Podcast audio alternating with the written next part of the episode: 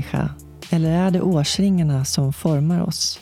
Hur påverkar miljöer och människor oss? Hur påverkas våra vägval av våra förutsättningar? Jag heter Jasmine Nilsson. I soluret möter jag människor från alla samhällsskikt och med varje livshistoria belyses olika ämnen. Välkommen till avsnitt 86. Soluret spelas in i Dieselverkstan i Stockholm och görs i samarbete med det internationella hjälpmedelsföretaget Invacare och rullarnas personliga assistans. Idag får ni möta Ava Viselius. Redan som fyraåring fick Ava vittna om livets skörbarhet när hennes mamma valde att ta sitt liv. Hon har jobbat större delen av sitt yrkesverksamma liv inom Försvarsmakten. Senast som civilanställd avdelningschef. För två år sedan kom hon ut som sitt rätta jag. Här kommer Ava.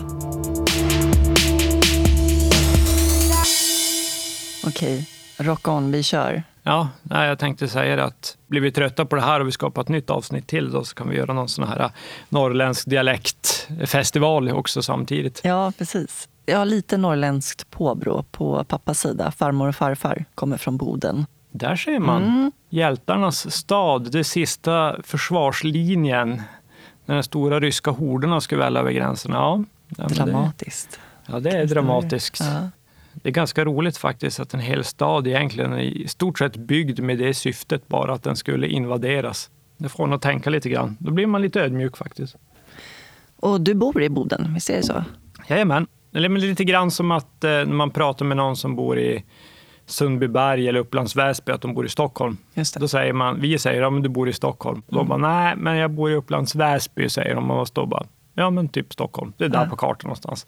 Så jag bor i Vittjärv. Okay. Så det är 4,6 kilometer utanför Boden. Då. Mm. Så vi lever förortslivet. Där finns allting du behöver. En fotbollsplan och en skola alltså. Lanthandeln slog igen för något år sedan. Trist. Men eh, ja, nej, så vi lever lite förortsidyll. Kan man säga. Härligt. Jag ska säga välkommen till soluret, Ava. Tack, tack så mycket. Hur är läget? Eh, ja, lite nervöst måste jag säga. Mm. Jag har försökt lyssna lite grann på ja, dina tidigare, jag ska inte säga intervjuoffer, det kan man inte säga, men dina tidigare gäster heter mm. det. Mm.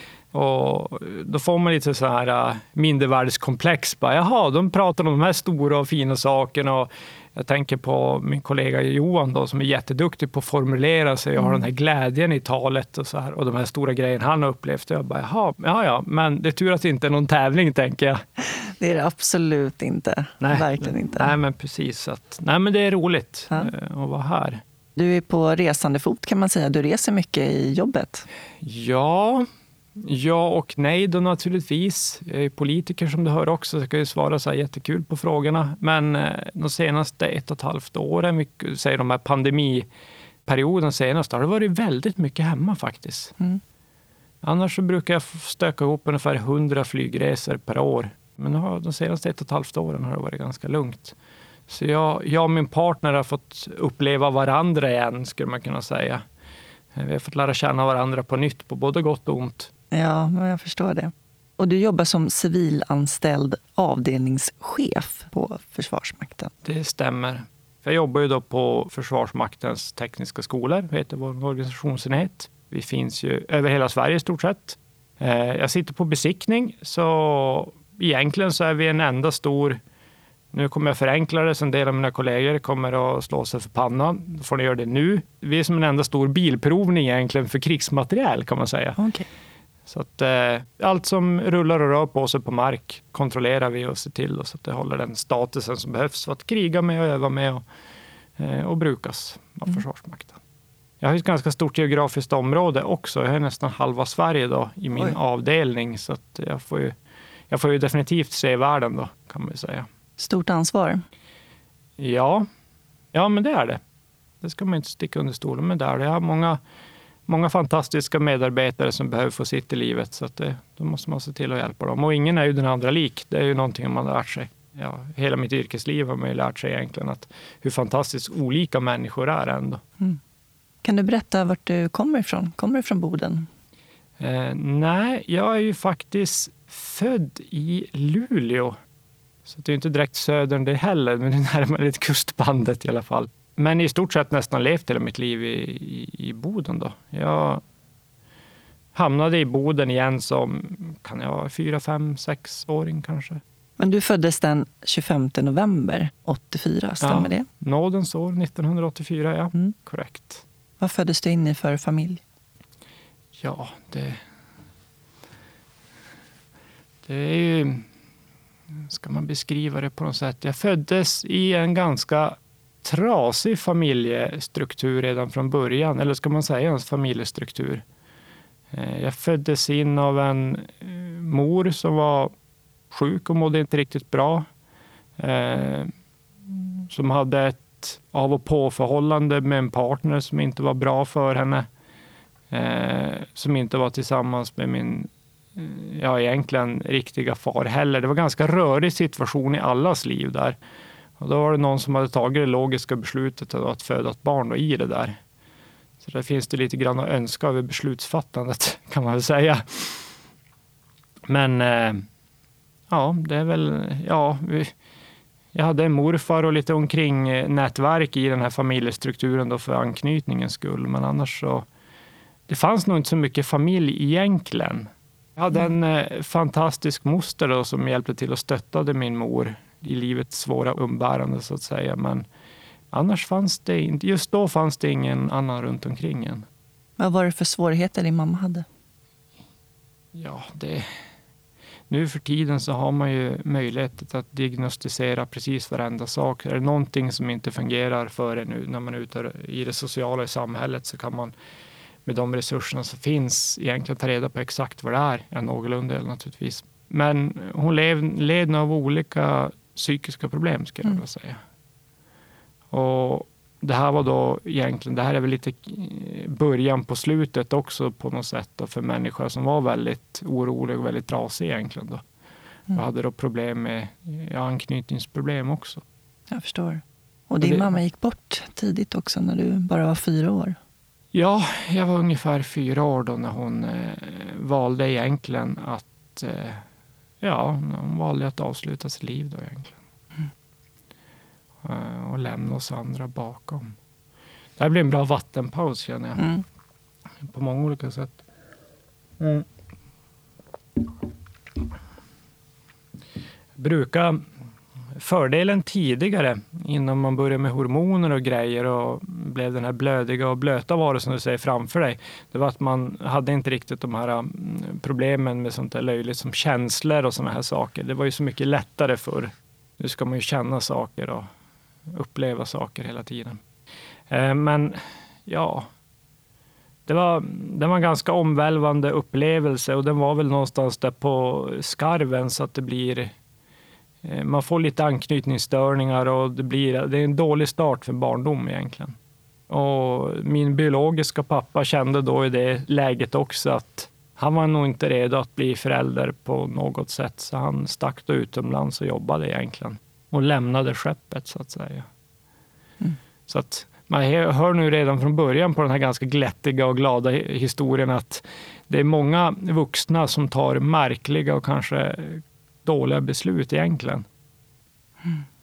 Och eh, när din pappa stack, blev du eh, bortadopterad? Stämmer det? Ja, det stämmer. Mm. På den tiden så fanns det inga barnhem. Jag gör nu sådana fiktiva kaninöron. Det kallades inte barnhem på den tiden, men det fanns ju förvarings ställen då för barn som inte hade någonstans att vara för tillfället. Men det slutade med då till slut att jag blev adopterad. Jag blev det ju av min moster och hennes man, då, dåvarande man. Eh, och då tänker man nu att nu äntligen, de som har suttit och väntat, bara, nu måste komma lite glädje i den här historien. Men det är ju då egentligen det barkar ut för och börjar bli mm. riktigt så här mörkt och eländigt. För det visar sig då när man Eh, blir adopterad så ska man ju få den här tryggheten och närheten och det ska bli det här bra familjelivet. Men då visar det sig då att min mor, som är min moster och tillika, jag kallar henne mor nu för tiden för jag har ingen annan. Eh, och det är hon som ändå varit det på något sätt. Så är ju en tillgiven och underbar och ganska varm människa. Men hon kunde tyvärr inte beskydda mig från det eländet som hennes, de problemen egentligen som hennes man hade då. Ja, då pratade vi om eh, ja, allt, barnaga och misshandel och eh, ja, helgalkoholism och hela den här biten. Eh, ja, det var ganska mörkt och eländigt. Mm. Utan att sitta och göra allt för barnförbjudet, det där avsnittet. Vad är ditt eh, tidigaste minne? Åh, oh, gud. Eh, jag har ju en del minnen. Jag vet ju när man, om vi tänker 20 år tillbaka, så vet jag att jag minns mer. Då har jag så mer saker. Men jag kan minnas eh, när jag vandrar ensam i lägenheten när min mor då har gått bort, min riktiga mor har gått bort. För jag är ju kvarlämnad då ett tag. Jag får ju vara där ensam då och fundera över livet, även fast jag inte förstår det. Det är tur att man är ganska liten ändå. Så när hon hade valt att ta sitt liv så ja. var du själv? Ja, då var jag själv en stund, då, för jag var ju med då när det hände. så att säga. Och du var fyra år? Ja, så att eh, då minns jag att jag är ganska hungrig, går omkring och letar efter saker att äta. Eh, och då kommer jag ihåg att det finns flingor då på en diskbänk i en kartong inskjuten där. Men nu när man tänker tillbaka minnet så här så, så inser jag att när jag tänker på den här flingkartongen så tänker jag en från 2000-talet sitter jag och målar upp i min hjärna. Så jag fattar ju att min hjärna går in och fyller i saker då, som den inte minns riktigt, utan den hjälper till då lite grann. Just. Så det, det, är ett av de här vaga minnena man, man minns. Och det här med att Eh, söka närhet hos någon då som inte, ja, som inte kan ge en det, då, som, inte blir, som bara blir kallare och kallare. Det är också en, ett minne att föreviga. Vilket trauma. Ja, så det är tråkigt att just sådana här minnen bara fastnar, etsar sig mm. fast. Mm. Men jag menar, jag kommer ihåg när jag är i min morfars lägenhet då. De hade de här gröna plyschmöblerna, de här tygmöblerna som var så vanliga på den tiden. Vi pratar nu om 80-tal som luktade så här typisk gammal, gammal lägenhet, luktade de där möblerna. Vi hade en sammetssoffa. Ja, sammetssoffa, ja men precis. De där, ja, det är otroligt. Och fåtölj. Ja, och ibland när man har varit i någon miljö, om man har varit på second hand eller någonting och sen tagit på en sån där möbel, då kan jag få såna här blixtgrejer från de där minnena och känna igen lukten. Just det. Ja, jag, Lite unket. Ja, det är tur att jag har en partner då som bokstavligen nog skulle strypa mig om jag drog hem en sån där möbel och skulle försöka ställa ut någonstans i, våran, i vårat hus. Ja. Hur länge, om man får gå tillbaka till din traumatiska upplevelse där, hur länge blev du kvar där med din mamma? Liksom, när hittade de henne och er? Eh, det tog någon dag innan ja. det... Tanke på att du blev hungrig och letade? Ja, det tog någon dag innan mm. de hittade oss. Och jag tror det var min moster som hittade henne. Mm. Ja, det där måste verkligen ha präglat dig. Ja, eh, är det, jag tror är det någonting som kan skapa separationsångest så är det en sån händelse.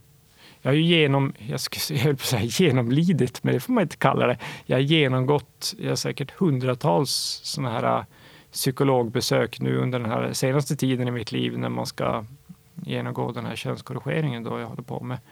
Får jag bara, får jag bara ja. fråga dig, för du säger könskorrigering. Ja. Och jag tycker att det låter mycket trevligare om man säger könsbekräftande behandling. Könsbekräftande ja. behandling, ja det är väldigt eh, vackert. Jag använder ja. den kliniska termen då. Jag fattar. Ja. Men jag, jag funderar för det. För det behandling, ja men det lät jättebra. Eller hur, visst är det trevligt? Jag för korrigering, då är det som att man korrigerar någonting som är fel. Alltså lite mer så negativ bemärkelse. Ja, det, det, finns så jäkla mycket. En del brukar slänga i ordet könsbyte. Och det är nästan det. så att jag vill, då vill man nästan ge dem en lätt klapp mm, i bakhuvudet mm. och säger det bara, nej, det är inget könsbyte nej. vi pratar om. Så de har ändå haft lite tid eh, att grotta en del av ens inre demoner och de här grejerna man har för sig och kanske få lite självinsikt är ett bra ord att veta varför, varför agerar jag så här och varför gör jag så här i de här situationerna. Även om man inte kanske kan få bort en del saker så kan man då så komma till grund med att ja, men det är därför jag är rädd för det här eller orolig för det här och lite sådana här saker. Och det, det är inte så jäkla dumt. Nej. Jag har ju alltid slängt med begreppet tidigare, ignorance is a bliss. Mm. Och det är ju det att man kan gå omkring och vara en idiot, men det drabbar ju inte en själv, utan det drabbar ju de andra, eftersom man själv vet ju inte om det. just det gäller de här delarna då och få lite insikt om sig själv så är det en ganska, det är en ganska mm. bra grej. Men tuff start, eh, bortadopterad till din moster och eh, med en man eller styrpappa då som... Ja, eh, undermåligt föräldramaterial mm. skulle mm. jag vilja sammanfatta det som. Fick du bonussyskon där då också? Eller? Det fick jag.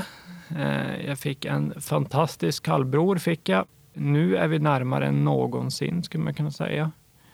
Eh, det var egentligen man skulle kunna säga då när han kom till, till världen och det var ju inte hans fel på något sätt utan det var ju då egentligen det eskalerade för insåg man egentligen hur lite man var värd. Då var man ju inte ens det riktiga barnet. Alltså blods, i blodslinje pratar man, brukar säga blod är tjockare vatten, men det var ju riktigt på det sättet och då var man ju nummer två på riktigt. Ja, sen dess egentligen eskalerade det här och det blev ju riktigt olidligt odrägligt och jag tror min mor tog nog bokstavligen mycket stryk för, för min skull först och främst. Ehm.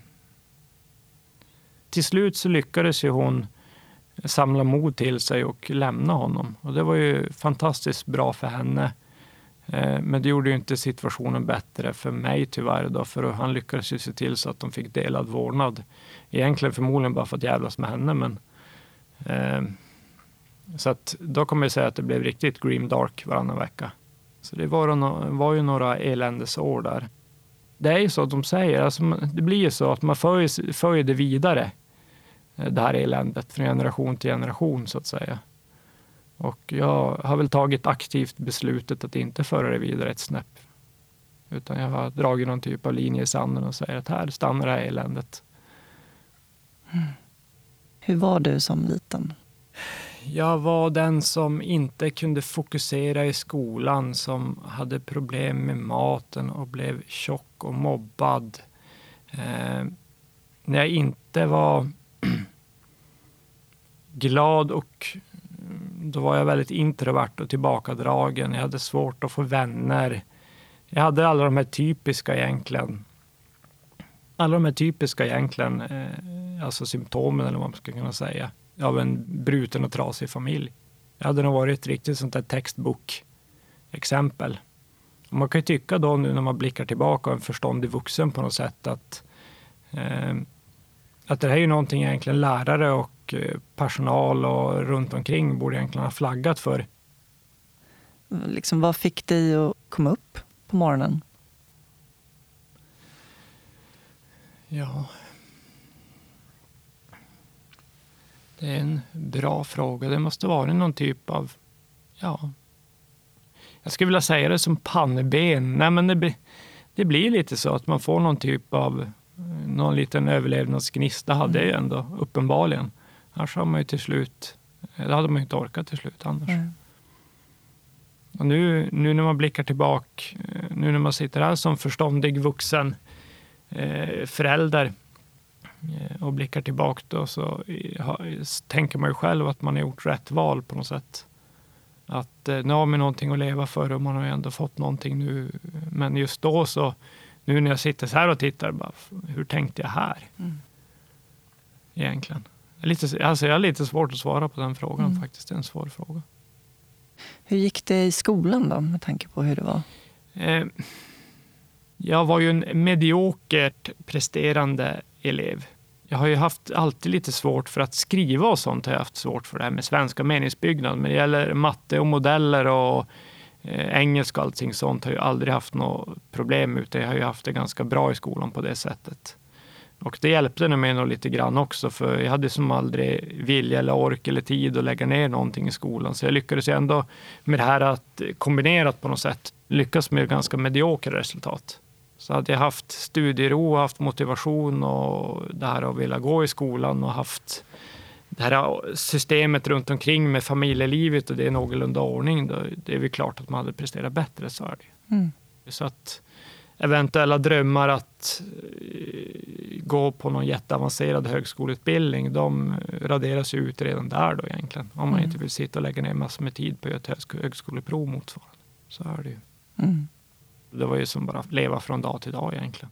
Så vi hade ju inte fantastiskt bra ekonomi heller. Vi bodde ju i en riktig förort i Boden så att säga med människor i liknande sits och arbetslös och körde en gammal rostig Golf med rosthål genom dörren och ett baksäte som höll på att trilla ihop när man bromsade. Så det finns ju ganska charmiga minnen då också när jag och min lillebror sitter där och spjärnar emot med benen på morgonen. Eh, för när det bromsas så glider baksätet fram då, så de försöker klämma en som en macka och det är sådana här roliga minnen när man sitter och skrattar tillsammans. Och, så det är ändå på något sätt när man skulle lyxa till den lördag så eh, åt man hårdbröd med kaviar på. Det har man lyxat till den lördag. Men alltså, det var ganska enkelt på den tiden på något sätt. Vi hade nog precis så vi klarade oss, det kan man nog säga. Hur var det i tonåren då, som är en sån känslig ålder och när man utvecklas? Och du har ju nämnt här nu att du har genomgått en könsbekräftande behandling. Precis. Jag säger brukar passera snedstreck komma undan med att vara kvinna hyfsat bra tills jag öppnar munnen. Så det ska jag försöka, försöka arbeta på lite grann. Eh, få bort den här eh, besvärande mansstämman. Så jag har en ganska luttrad och uttröttad eh, logoped som har jättemycket tålamod med mig, men jag tror jag behöver anstränga mig lite mer. Det ligger nog mer på min sida. Men ja, de här tankarna kring det och den här äh, att genomgå könsbekräftande vård och att egentligen att någonting är fel. Jag kände ju samtidigt att jag bar omkring på ett, ett svart hål egentligen, ett svart slukhål inom mig som bara växte och växte år för år för år som gick och man kände att inte någonting var rätt. Att man tittade sig i spegeln att allting var åt skogen. Och jag blandade ihop de här känslorna ganska mycket med allt annat elände egentligen. När du precis har tak över huvudet men du saknar trygghet och allt det andra, då sitter du inte och tittar i dig själv och försöker hitta vem är jag egentligen. Nej. Utan det tog ganska lång tid innan man lyckades nysta upp det här. Och sen, gav utrymme för det? Ja, men Eller precis. kunde ge utrymme ja, för det? gav utrymme för mm. det. Och när jag egentligen kunde fokusera och relatera till någorlunda exakt vad som var eh, vad det var som gällde, gällde egentligen, vad det var som det rörde. Det var ju kring puberteten egentligen. Och då samtidigt då när man sitter i puberteten. Det här börjar vara avslutat. Allt det här eländet, barndomseländet är någorlunda börjar fasas ut lite grann. Man ska eh, sörja för sig själv och man ska in och göra värnplikt och hela den här biten. Man har kämpat klart med gymnasiet och försökt få till det på något sätt. Och, och sen började då nysta det då samtidigt. Och, ja, det är, det är mäktigt där, det kan man lugnt säga. Mm. Det kan jag tänka mig. Ja. Den känslan av att känna att man är född i fel kropp. Mm. Eh, man använder ju begreppet könsdysfori. Ja, men precis. Det är så svårt att, att liksom föreställa sig det och det måste vara en sån konstig utomkroppslig känsla. Ja, alltså det är ju... Jag brukar... Det här är en jättesjuk jämförelse jag vet att jag borde få... Jag kommer få en örfil sen när jag kommer hem, men att höra människor som inte upplevt könsdysfori prata om könsdysfori och känslan där som att ha det. Det är lite grann som att höra män sitta och raljera över hur det är att föda barn. lite grann. Det är ungefär samma känsla jag får. Eh, nej, det är svårt att uppleva, att gå omkring och känna att hela tiden att någonting är galet. Och sen just under puberteten så händer ju mycket i en mans kropp och en kvinnokropp naturligtvis för den delen också. Men eh, du får kroppsbehåring, du börjar utveckla de här typiska manliga eh, karaktäristiska dragen. Så allting går egentligen åt fel jäkla håll. Då blir det ännu mer eländigare och mörkt och bistert egentligen. Mm. Så att, eh, nej, det, det är en tuff tid också att reda ut det där. Och känna att klockan på något sätt alltid är emot en. Mm. Det är mm. någon som har limmat fast det här uh, tiduret i en bordsskiva och man sitter och tittar bara på den när det rinner undan sen. Mm. Vad gick du för gymnasium? Jag gick teknisk linje gick jag gymnasiet tänkte gå natur heter det först, men då spanska. Jag läsa språk. Bara, nej, jag är ju nog med svenska och engelska. Nej, nu, någon, någon måtta får det vara, tänkte jag. Så att, ja, men jag, tar, jag tar, tar teknik, då får man lära sig hur man gör hållfasthetslära och grejer. Och, och gymnasiet, det överlevde jag. hade man brukar säga att min närvarograd låg på 33 procent. Och då brukar folk tänka, jaha, men du var bara 33 procent frånvarande. Nej, jag var närvarande 33 procent. Det är inga bra siffror. Så att jag var ingen stjärnelev på det sättet. jag valde ju först, roligt att du pratar om välja program, jag valde först barn och fritids. Ja, okay. ja, det kommer mina mörkaste hemligheter ut här. Och jag gick faktiskt barn och fritids, eh, två månader gick jag det programmet. Nu låter jag jättesmart, men nej. Men jag gjorde ut matteboken då på två, tre veckor, den som hade på barn och fritids. Sen la jag den på bordet och tänkte, vad ska vi göra nu då? Tittar matteläraren på mig, ja men vi får väl ha hopp och lek då resten av terminerna. Och jag tänkte det, åh gud nej. Så då, då bytte jag program då till teknik mm. istället. Mm. Jag hade tanken då att jag skulle bli polis eller någonting och då kunde man då gå via barn och fritids, läsa en del vettiga ämnen och så kunde man då söka till polishögskolan. Nu är det ute, nu kommer det sändas sen de här hemligheterna så att gud. Ja, men vad tänkte du om framtiden då? Du pratade om värnplikten. Och... Ja. Det var väl inte obligatoriskt då? va? Nej, det var det inte. Nej. Det, jag kände lite grann när jag jag var ju lite så här smygsugen. Mm. Nu måste man ju tänka sig tillbaka att det var en ganska fet och eländig människa, individ som man får sätta sig in i, inte den här hyfsat glada och eh, levnadsglada och märkliga individen du ser framför dig, utan det var en ganska fet och eländig individ som hade ganska mörka tankar. Och, Eh, och jag tänkte, jag visste ju att värnplikten var på gång och jag insåg ju att ja, men eh, det är ju inte något kustjägarmaterial direkt. Jag kommer ju inte orka lyfta den där ryggsäcken, alltså då är det kört. Så jag gjorde mönstringen naturligtvis. Jag fick okej okay resultat på konditionstestet. Det var inte så att det var jättevidrigt dåligt, men det var inte fantastiskt bra. Gjorde inskrivningsprovet, det här eh, du sitter och vänder på figurer och räknar lite matte och sitter och tänker på ord och sen jättetråkigt. Jag satt och gjorde det och tänkte att nu orkar jag inte med det här. Nu stressar jag igenom det här. Så bra, färdigt. Och så gick jag. Eh, gick först av alla. Alla tittade på mig och jag bara, åh nej, det här brukar aldrig båda gott. Sitter sen hos den här eh, psykolog, fick jag också i och för sig vara med där. Då drog jag inte riktigt den här eländiga historien, men jag försökte som sammanfatta och lyfta höjdpunkterna av den här historien. Då försökte jag lyfta åt psykologen. Så det blev ett långt psykologmöte där också. Men när man sen sitter sen med slutförrättaren och ska då försöka räkna ihop det här och försöka dra några slutsatser. Av, det blir lite grann som en sammanfattning av ens liv hittills på något sätt ja, om man tänker tillbaka, för du får din fysiska status, du får din styrka och du får dina upplevelser och det psykiska värde får du på en gång och du får, du får egentligen ett facit på hand någorlunda. Nu är de här testet naturligtvis 100 procent, men jag fick ja, chockerande bra, det måste ha varit tur, bra värden då på det här eh, intelligens och inskrivningsprovet. Och hos psykologen hade jag fått full pott också. Då.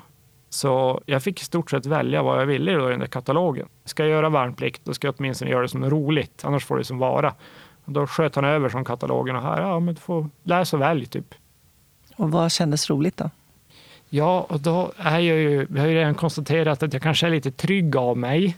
Så då valde jag Boden och så valde jag stridsvagnskompaniet för då tänkte jag stridsvagnar, coolt, tufft, roligt. Jag gillar ju maskiner och sådana här saker.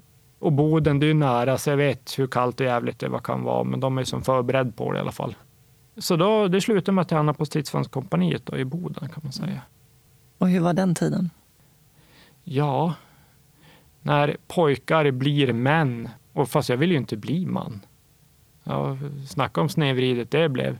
Ja, men det gick ganska bra. Jag... Men samtidigt så ville du var ju intresserad av maskiner ja, och hela den biten och tyckte ja, det var roligt. jag har ju en fetisch för krigsmateriel ja. överhuvudtaget och det, den kan man ju få tillfredsställd just i Försvarsmakten. Det är hyfsat svårt någon annanstans att få den tillfredsställelsen just eller den delen. Men eh, ja, det, det, var både högt och lågt. Värnplikten är ju värnplikt. Man ska ju få insikt om sig själv och man ska ju brytas ner och sen ska man svetsas ihop i grupper. Och jag jobbade ju kvar i Försvarsmakten, jobbade extra i det här befälsförstärkningsavtalet som fanns på den tiden. Då kan vi ändå, måste vi som tänka oss tillbaka att det här var ju nedläggningsorgiens tid. Allting som var Försvarsmakten var ju onödigt, det var dyrt och vi skulle ju bara vara ute i obskyra uländer och ha fredsuppehållande eh, insatser. Så att allt nationellt försvar skulle ju bara skrotas. Så jag levde ju på den tiden och det slutade med att duktiga officerare som kunde kriget eh, slutade, för det var bara de man kunde bli av med. Så fick de här gamla stamanställda majorerna och kanske andra då som inte kanske är de bästa att undervisa i krigets faser. De fick på något sätt kliva ner och bli lärare, eh, lärare då åt soldater. Och då var det ju bra att en del av oss BFA-are fanns då som hade lite närmare just till den utbildningen och kunde hjälpa till och stötta. Men Försvarsmakten överhuvudtaget på den tiden fanns ingen framtidstro. Organisationen var på dekis och skulle avvecklas. Så jag lämnade ju den då. Och det var ju någonstans därefter jag träffade min nuvarande partner. Hur träffades ni? Innan jag börjar prata om hur vi träffades så vill jag bara säga det för, så vi kan anteckna det. Att vi har kommit till freds med det här och överens någorlunda om det här. Men eh, det var så att jag jobbade som personlig assistent på den tiden. Och eh, jag hade då en brukare som jag brukar åka in till stan med. Jag åkte buss. Och då såg jag henne på bussen faktiskt. Då blev det lite grann det nu blev det, blir det mycket fjärilar och rosa, men det är när man träffar någon och säger att vilken fantastisk människa det verkar vara. Glad och massor med livsenergi och ja, egentligen, det är det här med att man tycker om och älskar motsatser. Medan jag var den där lite mörka och gråa figuren ändå, eh, lite introvert och bara massor med tankar om, ja, om konstruktioner och allt möjligt i hjärnan och den här eh, gillar att spela datorstämpeln så var hon den här levnadsglada, färgstarka eh, figuren med mycket driv och liv. Och, eh, så man fascineras av det och naturligtvis blev jag fascinerad av det. Eh, sen vi klev av, eh, vi sågs inte igen på ett tag. Eh, vi träffades i butiken sen, i den lokala butiken på det stället. Sävas heter det för övrigt. Eh, då blev jag som påmind om det igen. Fast när man är i tjänst, då, då flörtar man inte. Så är det. Man har ett jobb att göra. Det fanns ju sociala medier hade börjat få. Sen fanns det sådana här forum för ungdomar som var hippa och inne. Så jag gick med i ett sådant forum och så letade jag reda på, på den här tjejen då som jag hade träffat. Nu, nu brukar folk börja få såna här stalking-vibbar. Men jag säger det att jag brukar säga att gränsen mellan att vara stalker och hängiven beundrare är hårfin och det avgörs egentligen om man blir tillsammans i slutändan. Ja. Ni hade bara utbytt eh, blickar? Blickar mm. och hälsat, typ. Något sånt där. Mm. De här, eh, så här lite krystade och lite såna här, eh, vad ska man kunna säga, de här obekväma nickningar och hälsningar precis som att känner jag den här personen? Va? Mm, nej, jag tror inte det, men jag hälsar tillbaka för säkerhets skull. Vi träffades, eller vi pratade massor på det här, på det här mediet. Då. Vi pratade och pratade och pratade. Vi kom fram till att vi skulle träffas. Eh, vi, när man var hipp och cool sa man att man festade, men det gjorde vi inte. Vi drack hos någon kompis och sen gick vi hem. Eh, hon missade ju bussen. Mm med mening hörde jag sen i efterhand. Hon har ju hållit på det ett tag för att jag inte skulle bli alltför nöjd och självsäker. Men nu har jag fått veta att hon missade med mening. Ja, vi kysstes fantastiskt och passionerat på en järnvägsövergång. Eh, och sen så ja, är vi där vi är idag. Den korta historien. Ja. Nej, men, eh, fem glada barn och ja, villa, Vove och Volvo och hela paketet. Massor med år senare. Vi firade faktiskt, eh, nu ska vi se, nioårig bröllopsdag igår. Mm, grattis! Mm. Härligt. Nej, så vi har varit tillsammans nu i 15 år. Då. Mm. Nu tar vi en kort paus och ringer upp min samarbetspartner Invacare. Marie-Louise Tam, Invacare. Hej Marie-Louise, det är Jasmin från Soluret här. Hej Jasmin, hur är läget? Det är bra tack. Njuter av de vackra färgerna så här under hösten. Hur är det själv? Jo, det är bara bra. Pandemi och leveransbekymmer och ja, du vet, diverse olika. Men jag, jag ser ju faktiskt en liten ljusning med lite mässa. Ska du på Kistamässan? Ja, eh, jag hade tänkt att komma och hänga lite mer i montern. Vad, vad har ni för produkter att visa upp? Vi har faktiskt en helt ny rullator som är både, alltså det, det, låter helt otroligt, men den är under 7 kilo, alltså 6 kilo beroende på vilken storlek man har. Då. Den klarar 160 kilos användarvikt, så att den är riktig. Den, den är en tuffing. Och så kan den fällas ihop eh, så att den kan bli jättesmal och bara skjutas in i ett hörn. Så den rekommenderar jag att man kommer ner till Fokushjälpmedel 17-18 november och testar. Vi finns där och lånar ut. Ja, och det låter ju smidigt att man kan fälla ihop dem, för jag tror många tycker att de verkar så klumpiga. Ja, ja men precis. Och man sitter fantastiskt bra på, för det har så stort sittutrymme. Och dessutom finns det ju naturligtvis korg och alla andra tillbehör med. Den heter Dolomit Gloss, så den är en riktig fining.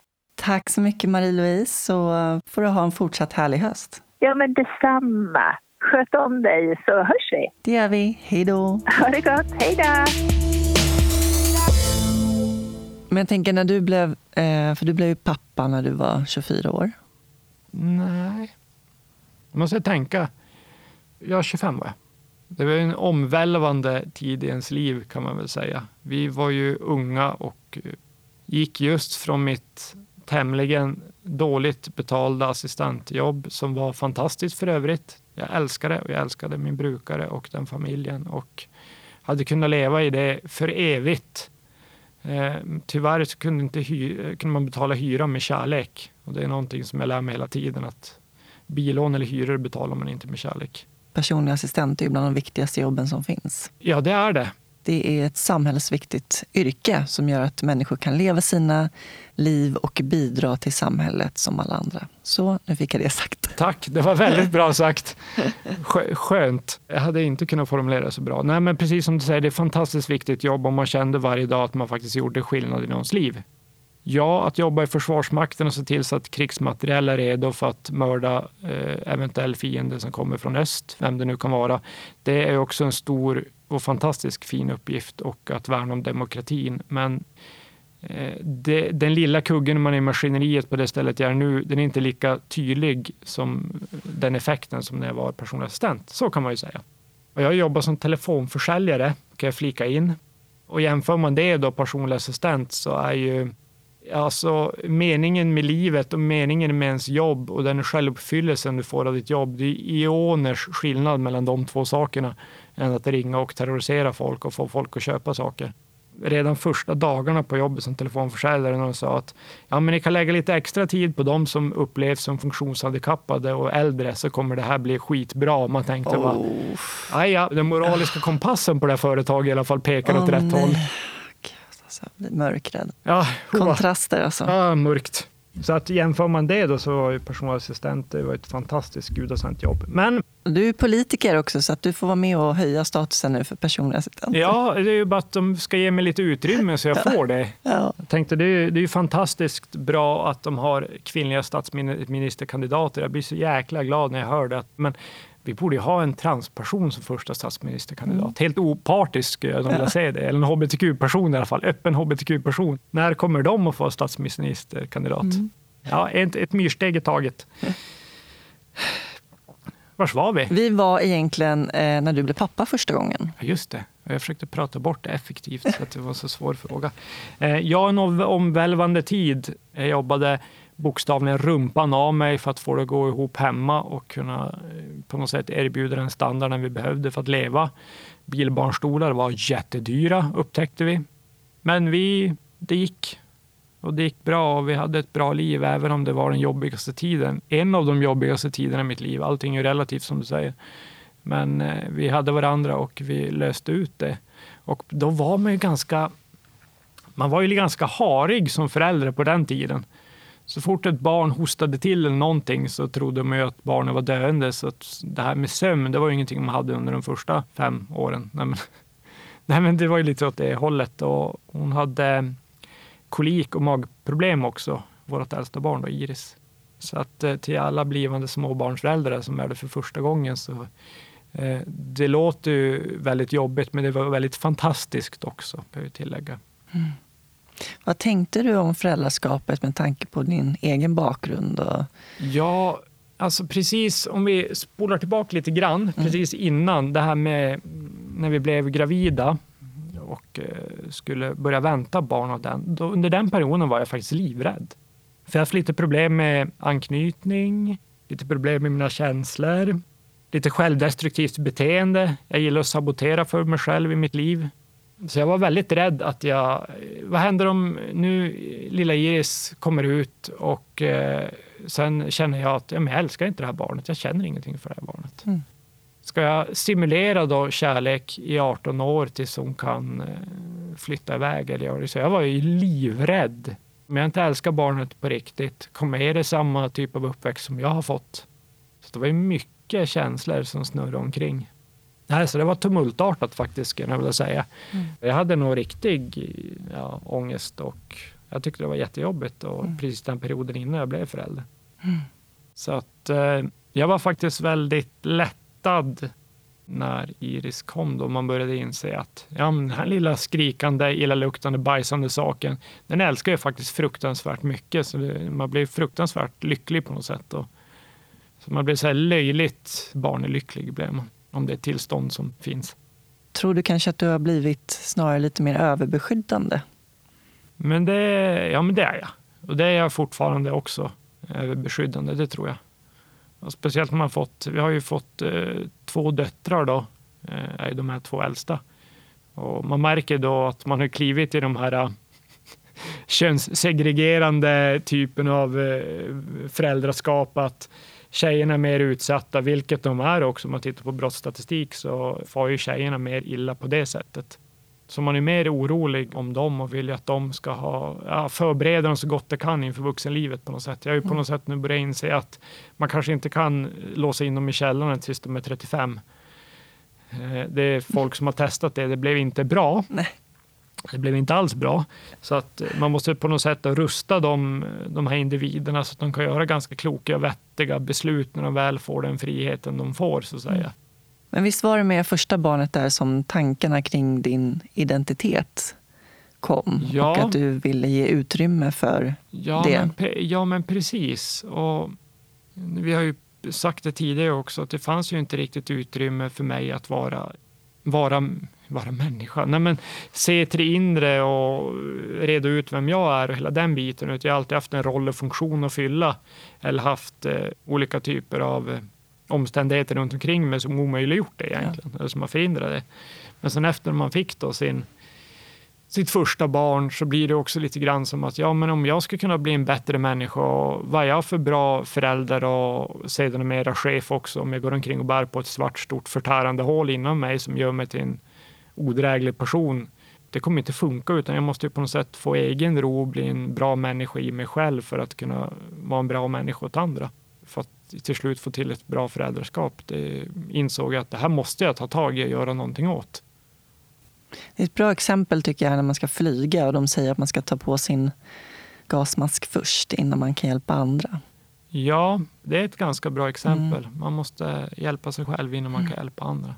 När kunde du sätta orden på vad det var du kände inombords? Att det var någonting som inte stämde, eller hur man nu ska uttrycka det.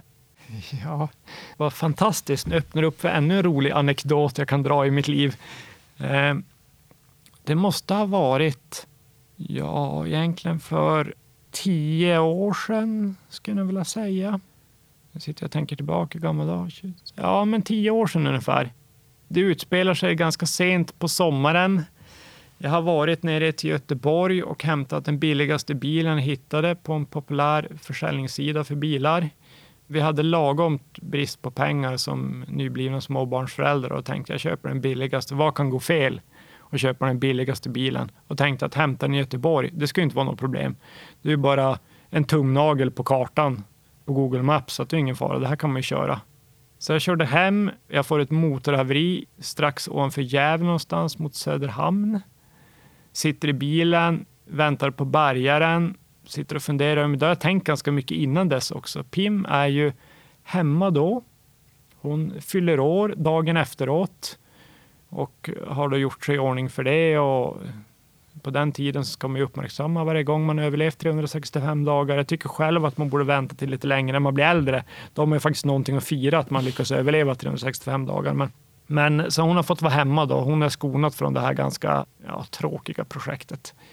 Eh, det visar sig att bilen är utom räddning, så den tar en bärgare upp. Eh, jag får sitta och vänta på bussen. Då inser man direkt att när vi kommer ovanför Gävle så vi börjar komma in i Norrland, för det är sex och en halv timmars väntetid på bussen. Så att eh, jag kan, nästan, jag kan redan nu komma ihåg alla de här konturerna i betonggolvet och väggen bakom mig när jag sitter och funderar på livet. För där var jag strandsatt och glad i hågen utan ens en mobilladdare. Vet du. Ja, alltså, det är eländigt alltså. Duggregna lite försiktigt. Snacka om att vara någon- fast med sig själv. Ja, ja, men visst, fast med mig själv. Det slutar med att jag får åka buss tillbaka till jag tror jag är tillbaka till Stockholm och får åka buss, en tåg upp och grejer. Det är en jäkla röra. Men då har jag fantastiskt mycket tid att fundera på mig själv och reda ut det här. Och det är de sista pusselbitarna läggs på plats. Och naturligtvis, jag och Pim hade ju så bra förhållande då. Det var ju stormigt. Vi har ju alltid varit som ja, yin och yang och minus och pluspoler. Så hon har ju naturligtvis börjat sitt förfestande glatt till sin födelsedagsfest. Jippi! Barnvakt och allting och det är fixat. Nu kör vi, tänkte hon. Eh, jag ringer dit. Hej, jag kommer på en sak. När hon står där och dricker sitt andra vinglas. Eh, och jag bara, ja alltså, vi, vi har ju diskuterat det tidigare att det är lite konstiga grejer och svarta hål och såna här grejer. Alltså, vi har som rört det här men inte riktigt kunnat sätta ord på det. Eh, och då kräks jag ur det där då att det kanske är det här som, att det är något åt det här hållet det rör på sig. Hur uttryckte du det? Jag brukar tyvärr slänga med det uttrycket och det är att om man ändå bara vore homosexuell för då, då syns det ju inte på när man är ute på stan eller någonting eller sitter på ett café och fikar. Sen så är det ju inte speciellt lätt att vara det heller. Men och då sa jag att, sa jag att men jag måste nog börja kika på, göra någon utredning på för könsdysfori. För det är ändå en del av det när man tittar sig i spegeln. Och, och sen hade jag ett intresse för kvinnoskapet överhuvudtaget. Alltså en del kvinnliga attribut och inte på det här manssättet kanske och det sexualiserande sättet utan på ett djupare plan kan man väl säga. Så jag sa det, att vi måste nog, jag måste nog ta tag i mitt liv och göra det här. Så den, den bomben släppte jag åt henne när hon var hundra mil borta och glad i hågen och skulle göra en födelsedagsfest.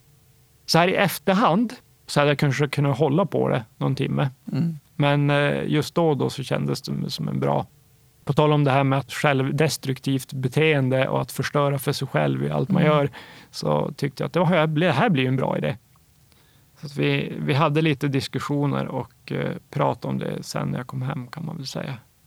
Det nystade sig ganska mycket. Jag tänkte ju då att jaha, men det är en uppenbarelse. Nu har någon tänt en glödlampa. Det här är lösningen på ett problem, kände mm. jag. Medan hon såg mer hur någon drog eh, mattan under sitt pusselbyggande och hur allting raserade bara. Att nu har han skaffat barn med någon som inte vill vara pappa längre och bara, hur ska det här gå? Och såg ju då hela sitt liv eh, falla i bitar på något sätt. Jag tur att hon är uthållig, min partner. Jag brukar säga det när vi lite så här, eh, när vi har vänner och sånt som pratar om, det blir ju ofta när man pratar om så här, som par, då kan man prata om lite äktenskapsproblem och sådär. Då brukar jag Pim sitta sen efteråt och fundera att ja, tänk om man bara hade sådana problem i sitt liv. Mm. Och det blir lite grann så här, man blir lite luttrad för då tänker man det vi har genomlevt i vårt förhållande, vårt äktenskap och vårt föräldraskap. Jag menar, vi har ju överlevt hittills. Jag kan inte se någonting förutom egentligen en klinisk död som skulle kunna separera oss på det sättet. Alltså någonting vi skulle kunna hitta på. Vi har ju redan utsatt det här äktenskapet för allting som finns. Så det är ju betryggande på ett sätt i alla fall. Det finns inte så mycket mer vi kan göra nu. Och när bestämde du dig för att gå igenom eh, behandlingen? För det måste ju vara ett enormt stort steg. Ja, du fattar alltså. Ändå, eh, om vi började gräva lite grann eh, i mig själv, då, hur jag var som den människa. Jag var ju otroligt, otroligt rädd för att vara, bli avslöjad. Mm. Så jag allting jag hittade i populärmedia, populärkultur och de människorna runt omkring mig så förstärkte jag och på något sätt odlade fram den här essensen av machokulturen. Så jag greppade ju varenda sån grej. Jag blev ju den här äh, machoidioten du hittar i serietidningar i stort sett. Som går omkring i amerikanska badbyxor, skriker brudar och höll på att säga och svingar med ölbägare. Alltså jag blev ju en riktigt sån människa. Ehm, Alltså nidbilden av den här man, mansgrisen som alla hatar och älskar samtidigt. Mm. Samtidigt som jag var då en ganska varm och generös människa och kärleksfull människa. Så jag var ju lite ambivalent på den sidan. Jag var en paradox som man brukar säga. Mm. Både och då.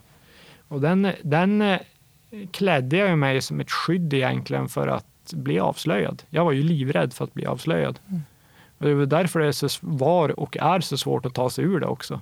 Då har man ju byggt det här runt omkring sig fortfarande och lever fortfarande i sviten av det på något mm. sätt. Så jag förstår varför många transpersoner efter att de har genomgått den här äh, omvandling, eller vad ska jag säga, inte omvandling, men genomgått det här, bryter sig fria och flyttar någon annanstans, i någon storstad eller någonting. Då slipper man bli känd som den som genomgick det här, utan man kommer då istället bara identifieras och bli känd som kvinnan som är glad och trevlig och får som en nystart. Mm. Och det är ju på grund av normen, hur det ser ut i samhället. Ja, men så är det. Så det blir ju som en försvarsmekanism, Ja. som du säger, att inte bli avslöjad då för att man ska passa in. Ja, att vara kvinna är ju något fult. Det är man ju svag och... Ja, ja men det är ju så. Det är så vi har byggt hela samhället egentligen. Det är fult att gå från man till kvinna. Det är ju dumt och fult. Men varför ska du göra det?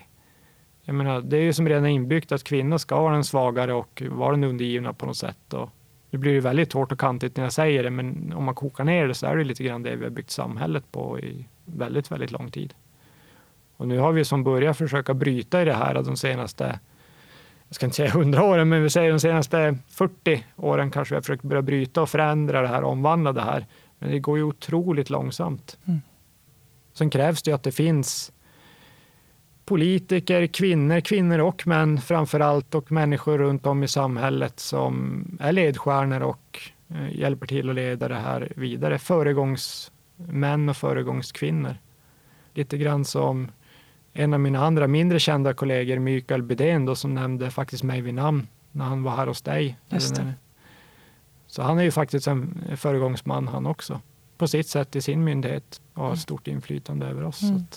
Det är roligt att det finns sådana Mm. ledstjärnor. Men eh, om vi går tillbaka till dig där, att ehm, du har kunnat sätta ord på vad det är. Mm, ja, men precis. Ehm, och det måste ju varit en enorm konflikt i ditt huvud. Eh, Ja, du, ja mm, Men liksom, bra sammanfattning. ja, från det då till att faktiskt eh, genomgå de här behandlingarna. Ja, Och också berätta för din familj och dina närstående. ja, shit alltså. Ja, då måste vi ju berätta lite grann om det här tillfället, komma ut-tillfället. Just det. kanske. Men det är ju som du säger, det är mycket vånda, det är mycket beslut och det är saker som ska förändras. Och det är ju en otroligt lång väntetid för att få eh, könsbekräftande vård.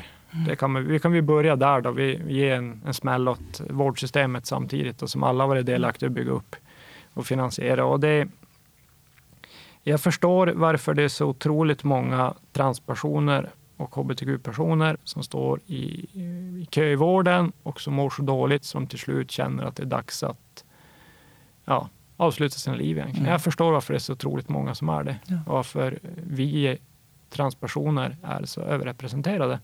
Det är en otroligt, otroligt jobbig väntan. Mm. Och har du ett dåligt stödsystem runt omkring dig, med, vi ser att du inte har någon, jag har ju haft en fantastisk partner, jag har haft barn som har gett mig vilja och anledning till att eh, leva och vara förälder.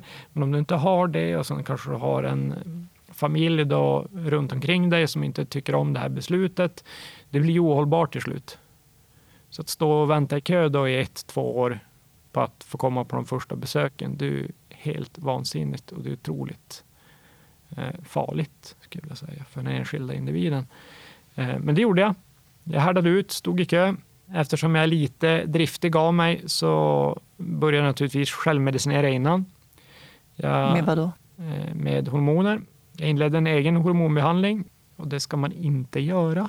Vill jag bara understryka, det är dåligt. Man får blodproppar och kan dö på riktigt. Och dö är jätte, ja, det skapar jättedålig stämning om man gör det, helt enkelt. Eh, men det gjorde jag. Som jag sa tidigare, så både självdestruktivt beteende tydligen som jag bär omkring på, så, så valde jag också att det var så bråttom att göra det för man kände att den här tiduret gick. Så att eh, man kände att jag var tvungen på något sätt. Ja, när man väl har bestämt sig så kan jag tänka Ja, men visst, då vill man ju mm. att... Jag, nu kan vi tänka att jag har ju funderat på det här jättelänge egentligen. Jag har ju haft tid att processa det här och komma under till fund vem jag är och dona på det här och tänker att nu ska vi fan starta det här. Och då kommer man till en sjukvård som säger ja, men om två år, då får du komma så kan vi diskutera lite mer. Ska vi reda ut vad det är du egentligen vill? Då sitter man där som en vuxen människa och bara nej, nej, det här funkar inte. Jag vet redan vad jag vill och ni är sjukvården så ni ska hjälpa mig. Så där blir ju naturligtvis en konflikt redan från början. Men jag kommer till sjukvården, får träffa psykologer. De remitterar mig till Umeå, som är för oss då, KIM, könsidentitetsmottagningen. Där finns det fantastiska medarbetare, men det finns för få av dem som har för lite tid. Så du får köa lite grann innan du kommer dit. Jag kom till en glad psykolog. De har kuratorer och andra för, och vanliga läkare då också från själva medicinska vården och det här som är inblandat. Så de har ju ett gäng då, team som jobbar tillsammans. Så jag fick mig några timmar då med den här psykologen. Då. Han är fantastisk också naturligtvis. Eh, sjukvården, ska man säga att könsidentitetsmottagningens sjukvård är ju riktad egentligen mot jag skulle säga det riktad mot unga och ungdomar som är lite som där det råder kanske en viss förvirring i livet. Vem är jag? Vad händer? Eh, jag är kanske transperson. Jag vet inte eh, riktigt vad jag är i livet. Jag går i skolan. Mina klasskompisar kommer tycka det är jättekonstigt. Alltså det blir, nu blir det väldigt, jag försöker som förenkla på något sätt. Jag förstår att det är säkert mer komplicerat och det är det. Men, eh, och jag kommer dit som vuxen människa. Då. Jag har ett jobb, eh, jag jobbar i en statlig myndighet, jag är chef, jag har människor som beror på mig, jag har en familj, jag har ett normalt vardagsliv. Jag har förpliktelser både mot min familj, jag har bolån jag måste betala. Nu måste vi stöka av det här så det funkar. Och då får man den här konflikten. Då börjar vi med att eh, jag kommer in, sätter mig första besöket. Och så, en väldigt trevlig och klok psykolog som säger att ja, vill du att jag stänger dörren till kontoret när vi pratar eller känns det tryggt att ha den öppen? Och jag försöker som greppa, men vad pratar människan om? Jag som försöker som tvinga fram ett leende, ja alltså, det är väl du som borde vara mer rädd för mig än vad jag är för dig kanske. Så det är en bra start så på ett... det blir så lite grann, jaha, jo, jo, jo, jo, men nu sätter vi igång så här och nu måste vi sätta igång. Så att... Eh, då är det på allvar? Ja, då är det på, då är det på allvar. Vi kickar igång och vi har eh, några sådana här stationer sessioner och han säger att det är bra om man långt emellan sessionerna tar det lite lugnt för det kan bli väldigt känslosamt och jobbigt. Och jag säger att nej, jag hatar att åka till Umeå fram och tillbaka. Vi sträckkör det här så fort som möjligt nu. Jag ger upp när du ger upp. Och sen försökte vi forcera det där någorlunda. Och det här med psykologi och terapi och sånt, det är inte alltid det bästa att forcera, men jag, det känns som jag kom halvvägs på något sätt. Sen fick jag börja på riktig hormonbehandling. Fick den här fördömande, suckande blicken från min endokrinolog när jag sa att ja, jag har redan påbörjat själv, det går skitbra. Hon tittade på mig med sned blick, bara, inte riktigt det vi ville höra. Ta nu de här preparaten, eh, strunta i dina egna. Och då sa jag det, jo okej okay då, du är den mest välutbildade endokrinologen i rummet så jag kör väl det då. Och sen dess har det varit så egentligen och väntar på könsbekräftande operation, Väntetiden var före coronan lång. Tänk dig två år i alla fall. Nu när man ringer skrattar de bara när man frågar vad väntetiden är. Längre. Så att jag vet inte. Så någon gång kanske man får det. Och vad händer med kroppen? Jag är ju, förutom att jag har lite stänk av att vara självdestruktiv då, som jag slagit fast, det är att jag gillar att göra saker ordentligt när jag väl börjar. Det är därför till exempel att jag inte vågar köpa börja med båtlivet Eftersom det finns båtar som kostar hur mycket som helst. Och det slutade med att jag hade sålt mitt hus och köpt en båt bara och kört omkring med. Utan allting ska göras hela tiden eh, till 105 procent när man gör någonting. Så jag började naturligtvis ta allt, allt jag kunde. Jag har ju utfört kosmetiska förändringar ovanför midjan så att säga. Jag funderar på om jag ska lägga ner några hundratusen på att operera med ansiktet. Så jag är ju sådär så att det skenar lätt iväg. Så det är bra att jag har människor hemma då som försöker hindra en från att nå det här kvinnoidealet som alla mm. eftersöker. Det är nu jag börjar inse också att vi kvinnor har en otrolig press på oss från runt omkring, från media och eh, ja, alltså på hur egentligen idealkvinnan ska se ut. Och även om du är, vi säger att du, jag börjar närma mig 40 år nu, så är ju ändå den idealbilden som det är tänkt jag ska uppfylla någonstans, det är en 25-årings kropp. Och hur ska man lyckas med det när man börjar vara 40 och fick tilldelat en manskropp från början? Alltså det blir en omöjlig ekvation på något sätt. Mm. Så det är det jag då försöker förhålla mig till. Gick ner i vikt gjorde jag också för övrigt. 80 kilo. 80 kilo. Eh, folk brukar alltid fråga, tycker det är lite roligt, och brukar fråga vad var mirakelreceptet? Jag är ju inte så rolig när det gäller det. Jag brukar säga ja, du tränar minst sju gånger i veckan, äter hälften så mycket du brukar göra och eh, fortsätter så ungefär tio år. Så ska du säga att du har ordning på det här. Så det, det, finns inga mirakelkurer, det finns inga magiska kokosblad du kan äta och dricka och eh, olika smoothies du kan mixa, utan det är egentligen energibalans. Det som kommer in i kroppen ska åka ut i kroppen också. Och äter man mer energi så måste man röra på sig för att mm. förbränna mm. en punkt. Och det var under behandlingen, då du påbörjade behandlingen, eh, som du kom ut? Ja, och det blev lite nödgat att komma ut kan man säga. Jag var ju nere i Umeå mycket och eh, var ju på sjuk, i sjukvården där. Det som också finns i Umeå, förutom eh, det mindre kända KIM, då, för könsidentitetsmottagningen i Umeå, det är också att det är Norrlands center för onkologi, alltså det vill säga cancervård. Eh, naturligtvis när jag hade gått ner mycket i vikt och eh, i stort sett börjat skapa en begynnande ätstörning. Det var ju det att jag gick ner i vikt fruktansvärt fort och eh, man kopplar ju oftast det då till sjukdom. Då. Man blir ju trött också att ha den här kampen och genomgå den här förändringen och den här behandlingen och alltihop. Blir du ju mm. trött och sliten av som människa också. Och det är då sammantaget då med att jag var där nere. Då började naturligtvis kollegor och människor runt omkring mig att tro att jag var döende i cancer naturligtvis. Och det blir, det blir ohållbart att ha människor som går omkring och är rädda för att prata med en för att de är rädda typ att man är döende. Alltså det funkar ju inte riktigt. Så att då mm. insåg jag att då måste vi försöka knäcka den här nöten då kanske. Så man kallar det populärt, komma ut. Och då tänkte vi att ja, hur ska vi göra för att komma ut då? Ja, då gjorde vi så att då bjöd vi in en av min och min partners gemensamma vänner Karo, jag nämner henne vid namn så hon kan få skämmas lite. Nej. Eh, och berättade för henne, då, för vi hade varit med henne för året innan på Pride faktiskt. Och då hade jag varit i Ava hon hade inte tyckt det var så konstigt. Det är kul att folk spexar ju lite grann på Pride. Så det, så det är klart man får vara det. Och jag är ju så trygg och säker i min machomanlighet så att det är bara häftigt så att säga. Men då sa vi till henne helt egentligen rakt upp och ner att jag förklarade väldigt så här äh, kliniskt att så här är det som händer och det här äh, har varit jag och så här tänkte vi se ut framåt och lite mer könsdysfri och försökte vara alltså, så pedagogisk som möjligt så att säga. Titta på oss, flackade lite grann, började skratta, så här pinsamt skratta, så här fnissa lite grann, bara, bara när ni skojar. Jag bara, nej, nej, men vi skojar inte. Det här är det, här är det som gäller. Nej, hon skrattar bara, skoj. nej, hon bara, nej, ni skojar nu driver med oss. Bara, Vilket sjukt skämt. Jag bara, nej, det är inget skämt. Det är så här det är. Vi drack kaffe, vi umgicks. Eh, vi tänkte vi låter hon få smälta det. Hon ringde en och en halv dag efteråt. Bara, ja, men eh, jag trodde fortfarande vi skojade. Och det insåg både jag och Pim, alltså, det här är inte hållbart. Vi kommer få hålla på alltså, flera månader om vi ska lyckas med det här projektet. Att det där funkar inte. Så då gjorde vi en liten fest helt enkelt. Vi tänkte att allting går ju att fira med tårta. Så då, vi gjorde en komma ut-fest där vi bjöd in då alla, ja, alla mina närmaste fick då inbjudning och vi hade en liten avteckning kan man säga. Och sen dess har det då varit AVA. Hur var den festen? Jag brukar jämföra det när man var lite yngre och man var på badhuset. Då fanns det en sån där, var det fem meters höjd trampolinerna på högst upp när man klättrar upp där, det är väldigt, jag gillar ju inte höjder så jag tycker det är jätteläskigt att klättra hela vägen upp och det är skitjobbigt att klättra och klättra och klättra. Och sen kommer du upp dit och sen kliver du upp på den där och så går du ut.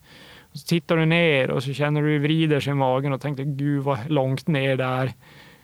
Och sen står du där på, det där, på trampolinen och kramar tårna på kanten och är livrädd alltså, och känner samtidigt hur adrenalinet börjar stiga i dig. Och sen hoppar du. Det är väl den närmaste beskrivningen jag skulle vilja Ungefär så kändes det. Hur blev mottagandet? Över förväntan. Då vet jag inte om det är för att jag har så mörk livsåskådning, men det blev över förväntan skulle jag säga. Mm. Vi har tappat vänner, det är klart vi har gjort. Bekanta och vänner har ju försvunnit från oss, men aldrig i den omfattningen som jag hade tänkt mig. Eh, det har varit väldigt någon enstaka kanske, det kan vara andra saker också som har gjort det, men det har gått, eh, vårt sociala liv och våra nära anhöriga har tagit det väldigt, väldigt bra skulle jag vilja mm. säga. Jag har ju kontakt med min biologiska pappa eh, nu, lite till och från och sådär och de är väldigt konservativa skulle man kunna säga. Mm. För, när återupptog ni kontakten? Vi återupptog kontakten någon gång när jag var 17 år kanske. Så vi har haft kontakt till och från då lite grann. Och Många tänker så här, bara, men anklagar du inte honom för hur det blev i ditt liv och den här biten? Nej, nej, men det gör jag inte. Jag är bara glad att mina barn har en extra farfar så att säga. Och det är roligt att få känna en person, för han är ändå ganska lik mig till dels. Jag känner ju igen mycket av grejerna. Och ibland så tar man bara fruktansvärt dåliga beslut. Så är det.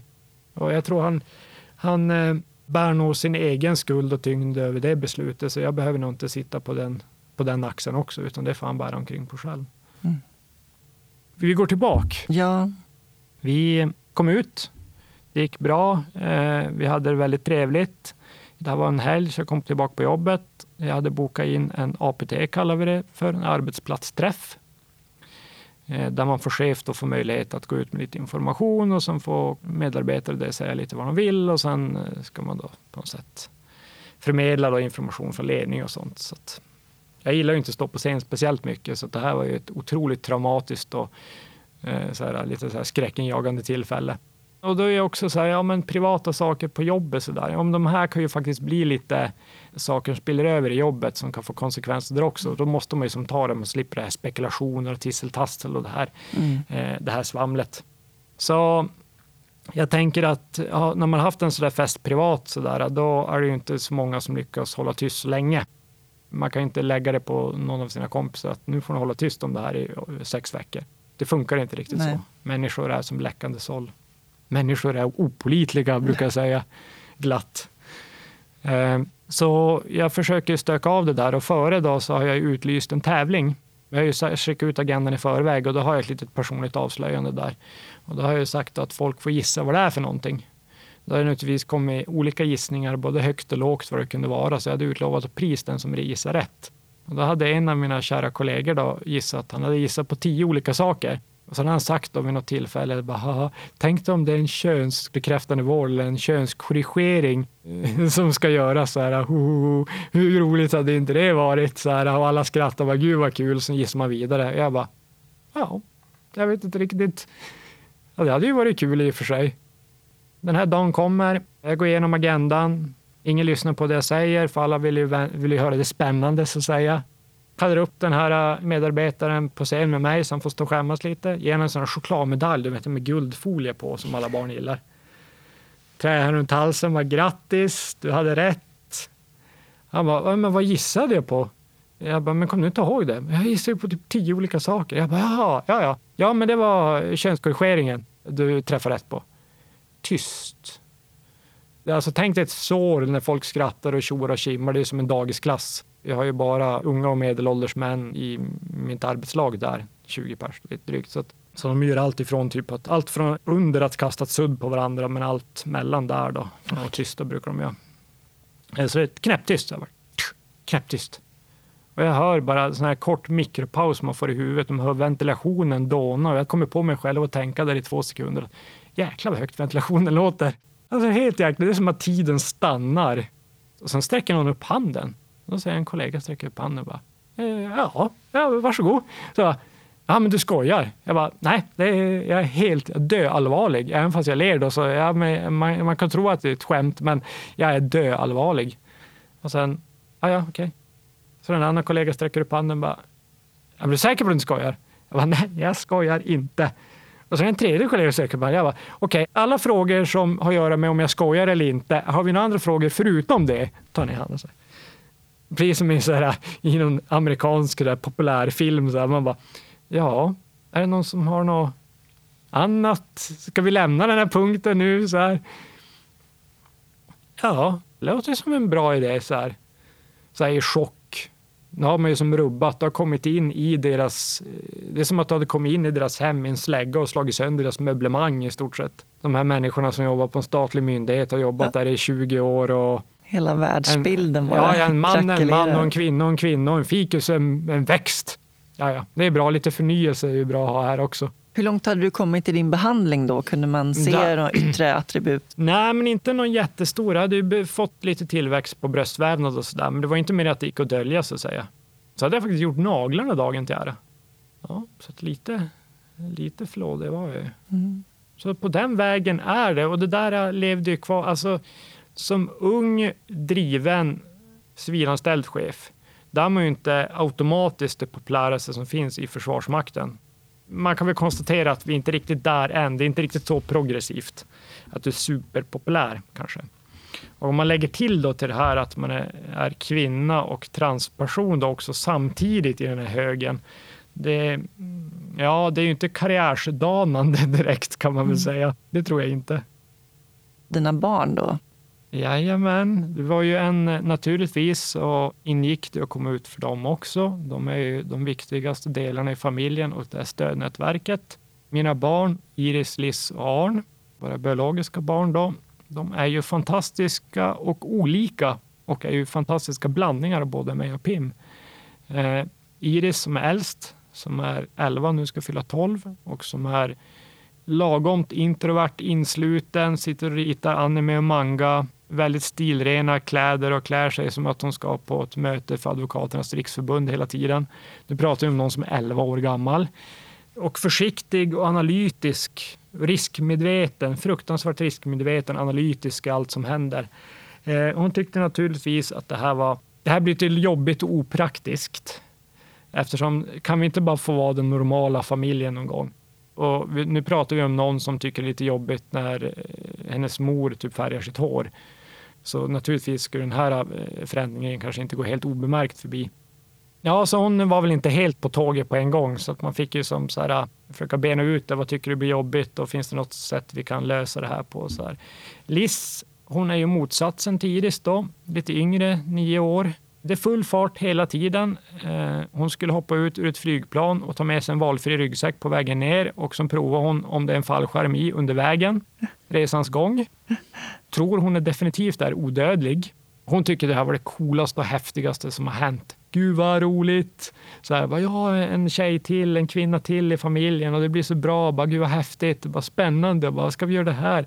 Och då får jag fläta ditt hår. Så här. Man bara, ja, det, jag kanske ska låna ut mitt långa hår så kan du få fläta det. Det kan jag gå med på. Sen har vi Arn då, som är den yngsta, som var lite yngre på den här tiden, som är sju nu.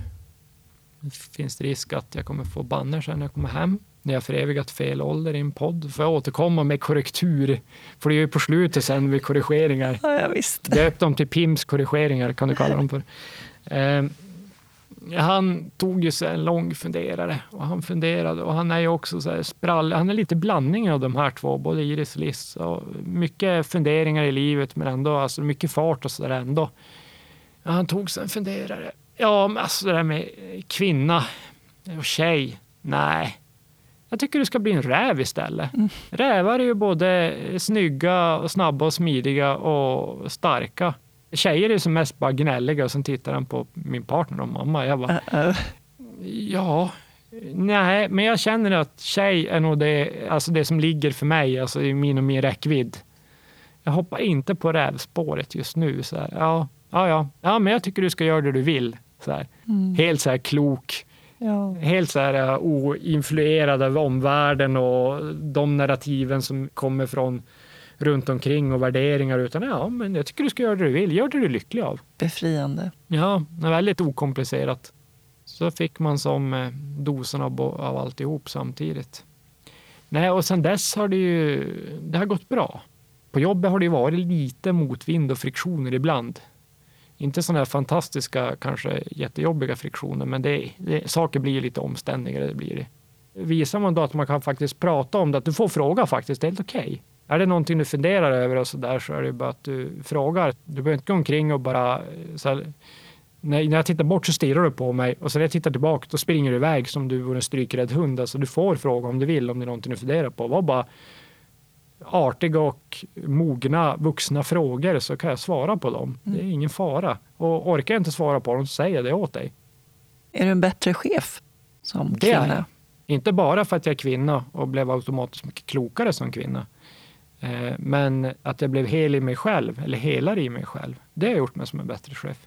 Och som bättre förälder också ledarskap är någonting jag brinner för och tycker är jätteviktigt. Och eh, mycket av ledarskap kommer inifrån dig själv och hur trygg du är som person.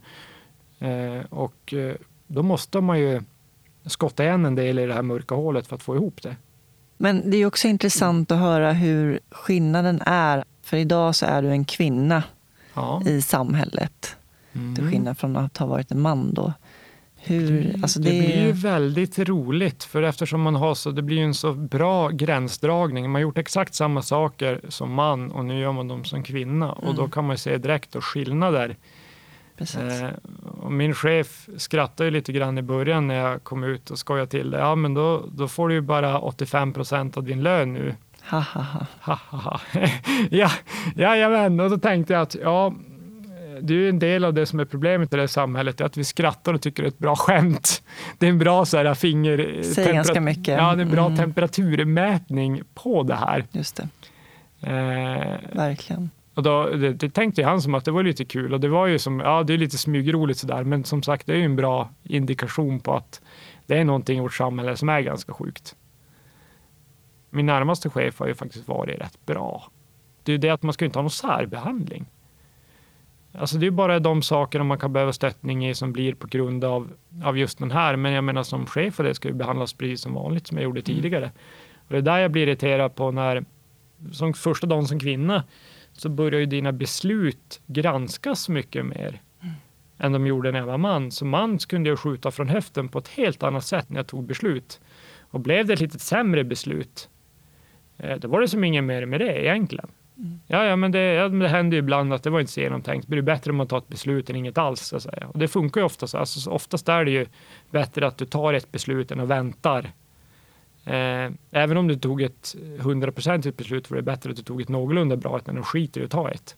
Men nu börjar de begranskas på ett helt annat sätt, besluten jag tas. Och mm. när man Ifrågasättas? Ja, det ifrågasättas på ett helt annat sätt. Jag har ju inte blivit mer inkompetent bara för att jag gjort en Nej, precis. Och det märkte jag på en gång och då tänkte jag bara, är det jag som inbillar mig? Jag har blivit känslig eller någonting. Nej. Och sen efter ett tag att det är nog så här.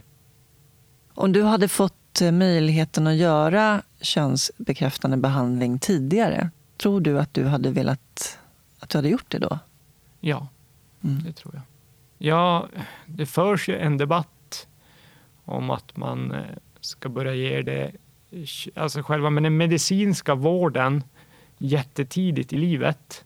Det är jag för min egen personliga del eh, lite tveksam till. Mm. Man kanske bör vara myndig innan man börjar göra intrång eller ingrepp i kroppen som kan förändra ens liv för alltid så att man kan stå för de besluten själv på ett vettigt sätt.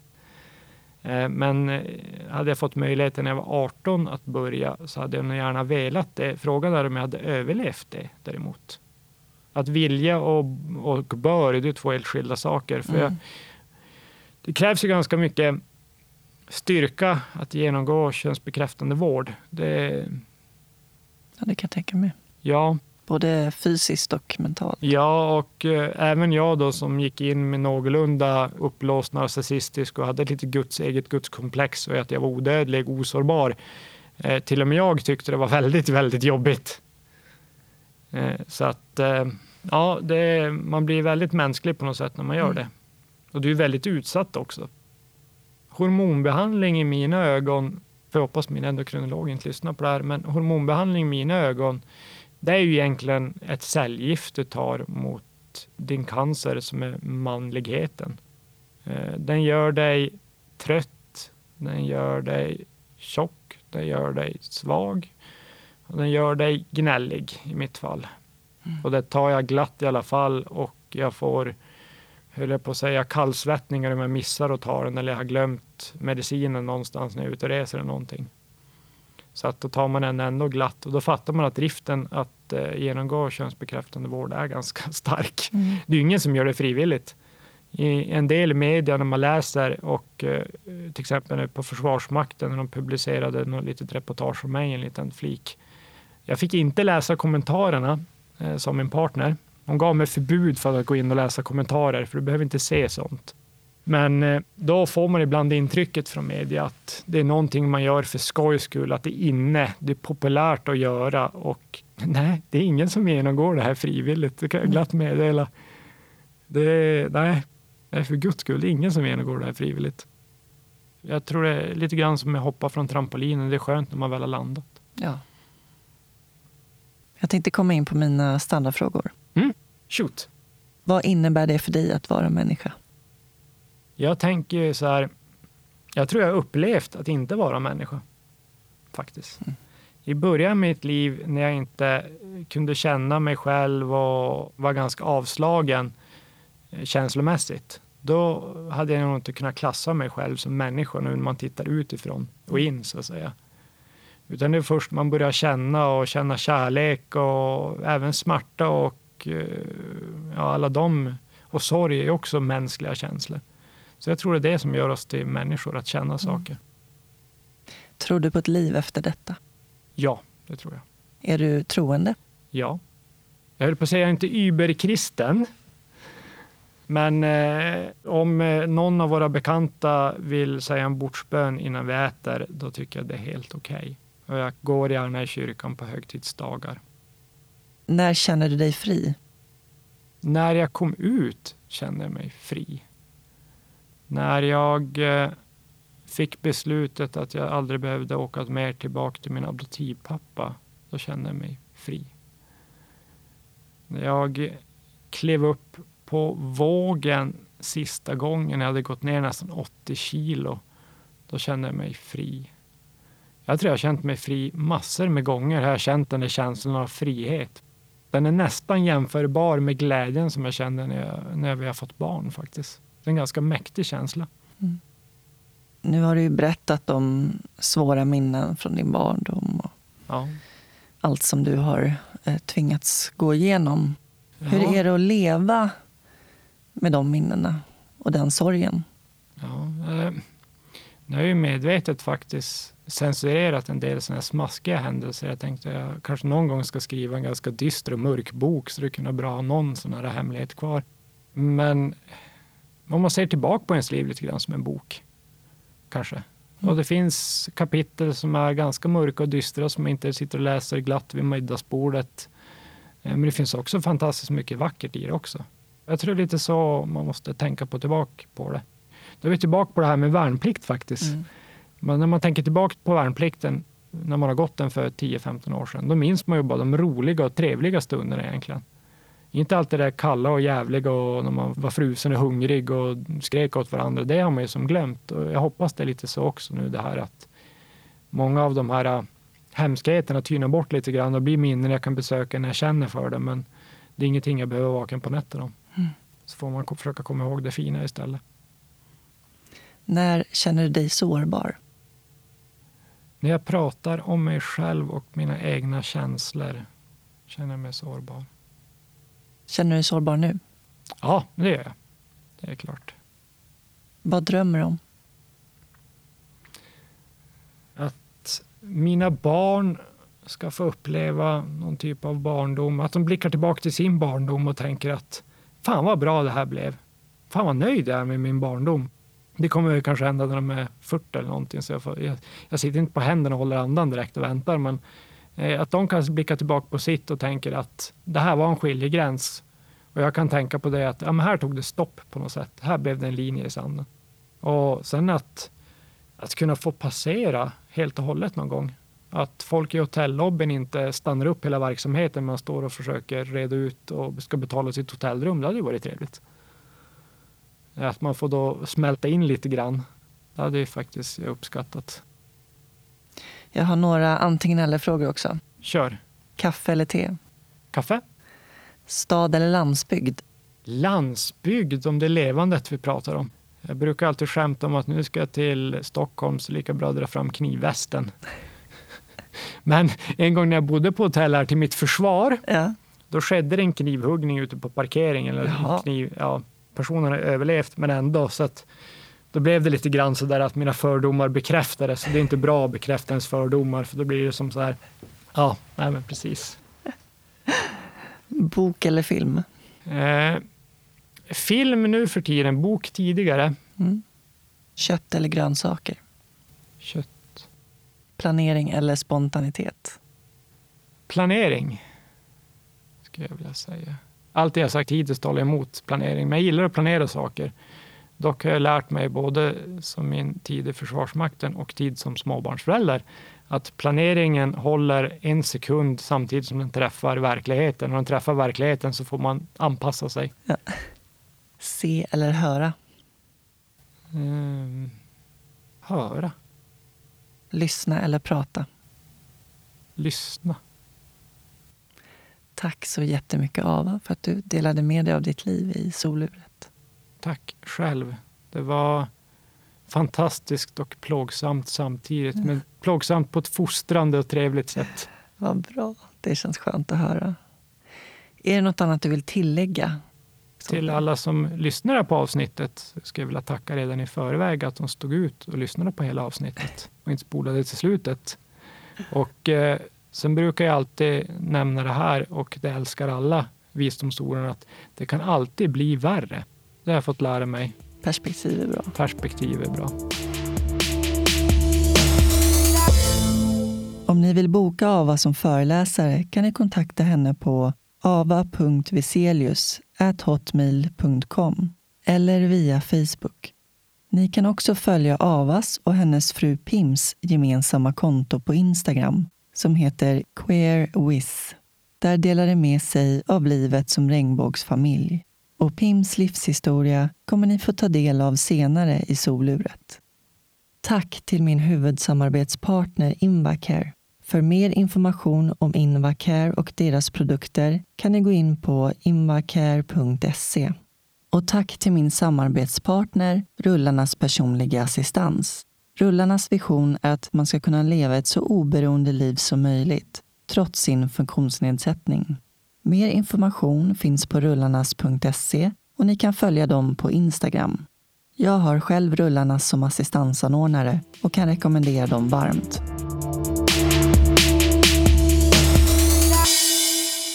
I nästa avsnitt får ni möta Eddie Wheeler.